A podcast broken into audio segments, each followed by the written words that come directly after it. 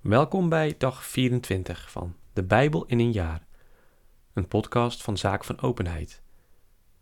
Vandaag lezen we Exodus 1, 2 en 3, Psalm 24 en Matthäus 15, vers 21 tot en met 39. Exodus 1 Dit zijn de namen van de zonen van Israël die met Jacob naar Egypte waren gekomen, ieder met zijn gezin. Ruben, Simeon, Levi en Juda, Issachar, Zabulon en Benjamin, Dan en Naphtali, Gad en Aser.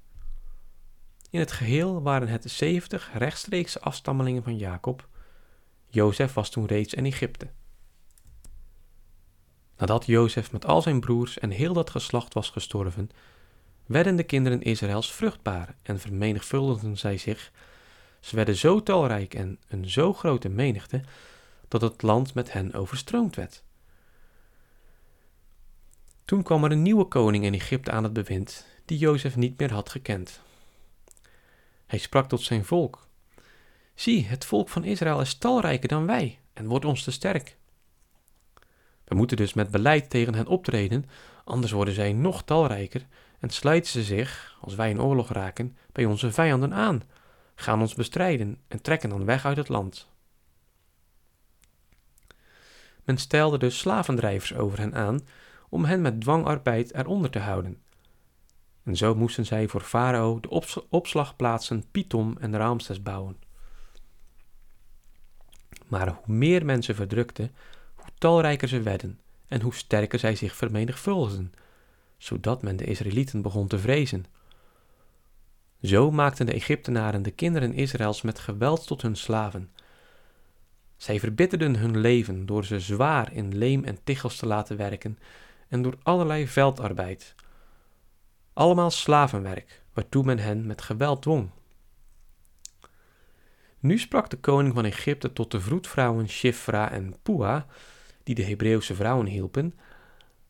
Wanneer gij de Hebreeuwse vrouwen bij de bevalling helpt, let dan op het geslacht van het kind. Als het een jongen is, moet gij het doden. Is het een meisje, dan mag het blijven leven. Maar de vroedvrouwen vreesden God. Ze deden niet wat de koning van Egypte haar had bevolen en lieten ook de jongens in leven. Daarom liet de koning van Egypte de vroedvrouwen roepen en zeide tot haar: Waarom doet gij dit en laat gij de jongens in leven? De vroedvrouwen gaven farao ten antwoord: De Hebreeuwse vrouwen zijn niet als die van Egypte, maar eerder als dieren. Voordat de vroedvrouw bij haar is, hebben zij het kind al gebaard.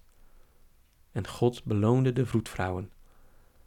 En terwijl het volk zich vermenigvuldigde, en hoe langer hoe talrijker werd, maakte God de vroedvrouwen tot stammoeders, omdat ze hem hadden gevreesd.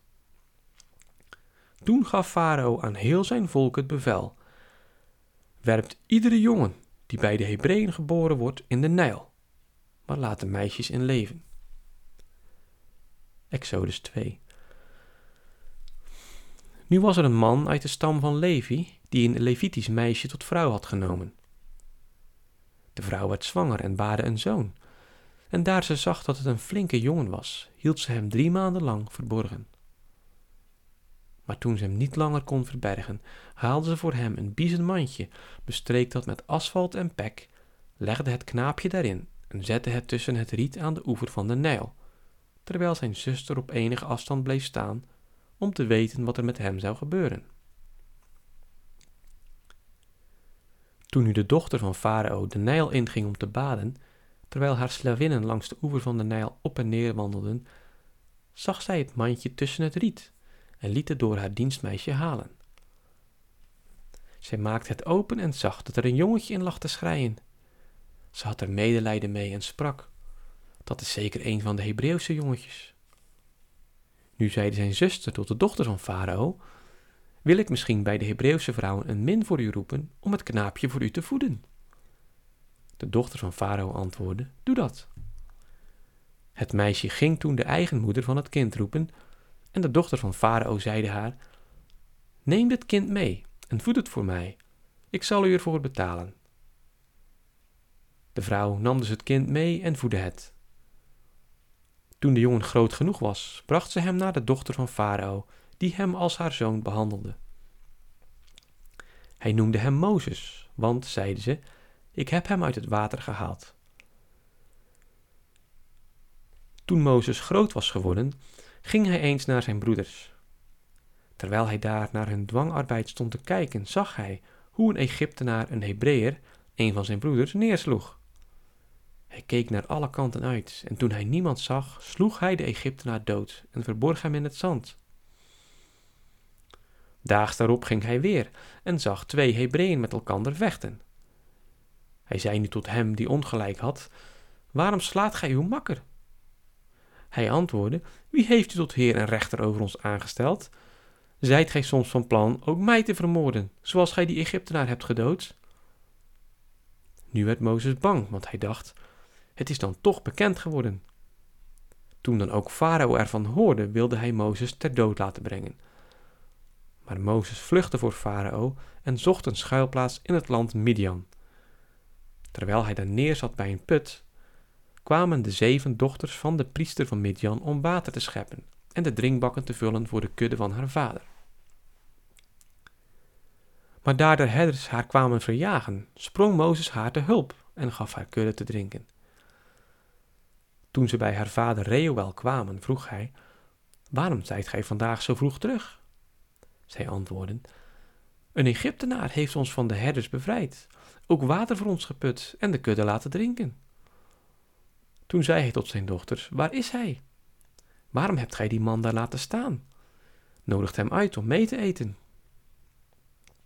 Zo besloot Mozes bij die man te blijven, en deze gaf Mozes zijn dochter Sephora tot vrouw. Zij baden een zoon, die hij Gershom noemde, want hij zeide: Ik toef als gast in een vreemd land.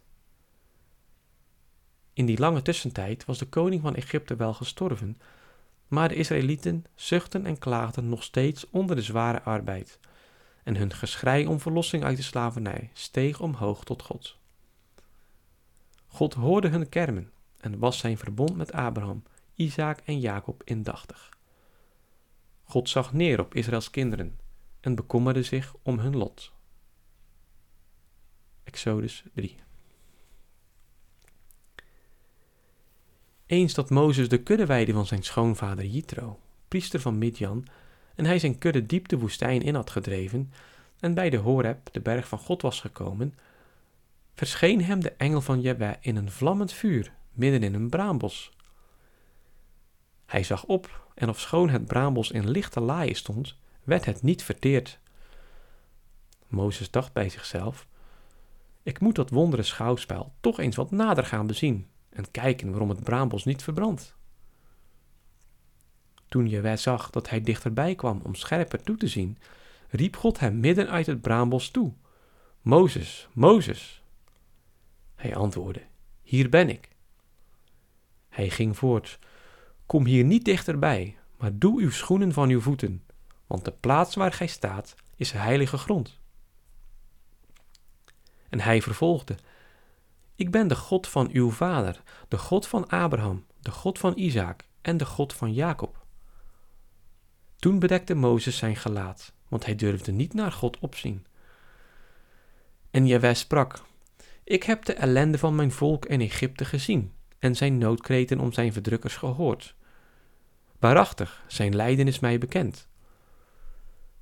Daarom ben ik neergedaald om het uit de macht van Egypte te verlossen en om het uit dit land te geleiden naar een schoon en uitgestrekt land, naar een land dat druipt van melk en honing, de woonplaats van de Canaanieten en Gittieten, Amorieten, Perizieten, Giwieten en Jebusieten. Ja, het geschrei van Israëls zonen is tot mij doorgedrongen, en ik heb de verdrukking gezien waarmede Egypte hen kwelt. Wel nu dan, ik zal u tot Farao zenden. Gij moet mijn volk, de kinderen Israëls, uit Egypte leiden. Maar Mozes zeide tot God: Wie ben ik dat ik tot Farao zou gaan en de Israëlieten uit Egypte zou leiden? Hij hernam: Ik ben met u. En dit zal voor u het teken zijn dat ik het ben die u gezonden heb. Wanneer gij het volk uit Egypte zult hebben geleid, zult gij God vereren op deze berg. Toen zei Mozes tot God: Wanneer ik nu tot de zonen Israëls ga en hun zeg: De God uw vaderen zendt mij tot u, wat moet ik dan antwoorden als ze vragen: Hoe is zijn naam? God sprak tot Mozes: Ik ben, ik ben. En hij vervolgde: Dit moet gij aan de Israëlieten antwoorden: Ik ben, zend mij tot u. En God sprak verder tot Mozes: Dit moet gij aan Israëls kinderen zeggen. Jaweh, de God uw vaderen, de God van Abraham, de God van Isaac en de God van Jacob, zendt mij tot u. Dit is voor eeuwig mijn naam. Zo zal ik heten, van geslacht tot geslacht. Ga nu en roep de oudsten van Israël bijeen en zeg hun: Jaweh, de God van uw vaderen, is mij verschenen. De God van Abraham, Isaac en Jacob heeft mij gezegd: Ik heb vol zorg op u nedergezien en gelet op wat men u in Egypte aandoet. Daarom heb ik besloten: Uit de ellende van Egypte voer ik u weg naar het land der Canaanieten en Gittieten, Amorieten, Perizieten, Givieten en Jebusieten, naar een land dat druipt van melk en honing. Zij zullen aan uw, oproep gehoor geven. Dan moet gij met de oudsten van Israël naar de koning van Egypte gaan en hem zeggen: Jaweh, de God der Hebreeën, is ons verschenen. Wij moeten drie dagreizen ver de woestijnen om aan Jaweh onze God een offer te brengen. Maar ik weet dat de koning van Egypte u slechts gedwongen zal laten vertrekken. Daarom zal ik mijn hand uitstrekken om Egypte te treffen met al mijn wonderen die ik in dat land zal verrichten. Daarna zal hij u laten gaan. Ik zal de Egyptenaren inschikkelijk maken jegens het volk, zodat ge bij uw vertrek niet met lege handen zult heengaan. De vrouwen moeten van haar buren en medebewoners zilveren en gouden sieraden en klederen eisen, die ge uw zonen en dochters moet aandoen. Zo zult gij Egypte uitschudden. Psalm 24 Een psalm van David. Aan Jahweh behoort de aarde met wat ze bevat, de wereld en die erop wonen, want hij heeft ze op de zeeën gegrond en geplant op de stromen. Wie mag de berg van Jahweh bestijgen? Wie zijn heilige steden betreden? Die rein is van handen en zuiver van hart, in wiens ziel geen bedrog is en die geen valse eden zweert. Hij zal zegen van Jahweh ontvangen en loon van de God van zijn heil. Die behoort tot hen die Jahweh vereren en het aangezicht zoeken van Jacobs God. Poorten, heft uw kroonlijsten op. Eeuwige posten, rekt u omhoog. De koning der glorie gaat binnen. Wie is de koning der glorie? Jaweh, krachtig en sterk. Jaweh, de held in de strijd. Poorten, heft uw kroonlijsten op. Eeuwige posten, rekt u omhoog. De koning der glorie gaat binnen. Wie is de koning der glorie? Jaweh der heerscharen is de koning der glorie. Matthäus 15, vers 21 tot en met 39. Toen vertrok Jezus vandaar en begaf zich naar de streek van Tyrus en Sidon. En zie, een Canaanitische vrouw, afkomstig uit die streek, riep hem toe. Heb medelijden met mij, Heer, zoon van David. Mijn dochter wordt vreselijk door de duivel gekweld. Hij gaf haar geen antwoord. En zijn leerlingen kwamen en verzochten hem: Stel haar tevreden, want ze roept ons achterna. Hij antwoordde: Alleen tot de verloren schapen van het huis van Israël ben ik gezonden. Maar ze kwam naar hem toe, wierp zich voor hem neer en zeide: Heer, help mij. Hij gaf haar ten antwoord: Het is niet goed het brood der kinderen te nemen en het voor de hondjes te werpen. Maar ze zeide: Jawel, heer, ook de hondjes eten toch van de kruimels die van de tafel hunner meesters vallen. Toen antwoordde Jezus: O vrouw, groot is uw geloof, u geschiedde zoals ge verlangt. Van dat ogenblik af was haar dochter genezen. Toen Jezus vandaar was vertrokken, kwam hij aan het meer van Galilea, ging de berg op en zette zich daar neer. Daar kwamen grote scharen naar hem toe, die kreupelen, lammen, blinden, stommen en vele anderen bij zich hadden. Men legde ze aan zijn voeten neer en hij genas ze. De menigte stond verbaasd bij het zien hoe stommen spraken, lammen genazen, kreupelen liepen, blinden zagen, en ze verheerlijkten de God van Israël. Nu riep Jezus zijn leerlingen bijeen en sprak: Ik heb medelijden met de scharen, want reeds drie dagen zijn ze bij mij en ze hebben niets te eten. Ik wil ze dus niet ongespijsd laten gaan, opdat ze onderweg niet bezwijken. Maar de leerlingen zeiden tot hem: Hoe zullen we ons in een woestijn genoeg brood verschaffen om zulke grote menigte te verzadigen? Jezus zei hun: Hoeveel broden hebt gij? Ze antwoordden: Zeven en enkele visjes. Toen beval hij het volk op de grond te gaan zitten. Hij nam de zeven broden en de vissen, sprak een dankzegging uit, brak ze en gaf ze aan zijn leerlingen, en de leerlingen gaven ze aan het volk. Allen aten en werden verzadigd. En ze verzamelden de overgeschoten brokken, zeven korven vol. Het waren ongeveer vierduizend mannen die hadden gegeten, behalve nog de vrouwen en kinderen. En nadat hij de menigte had heengezonden, ging hij de boot in en vertrok naar het gebied van Magadan. Tot zover het woord van God. Deo gratias.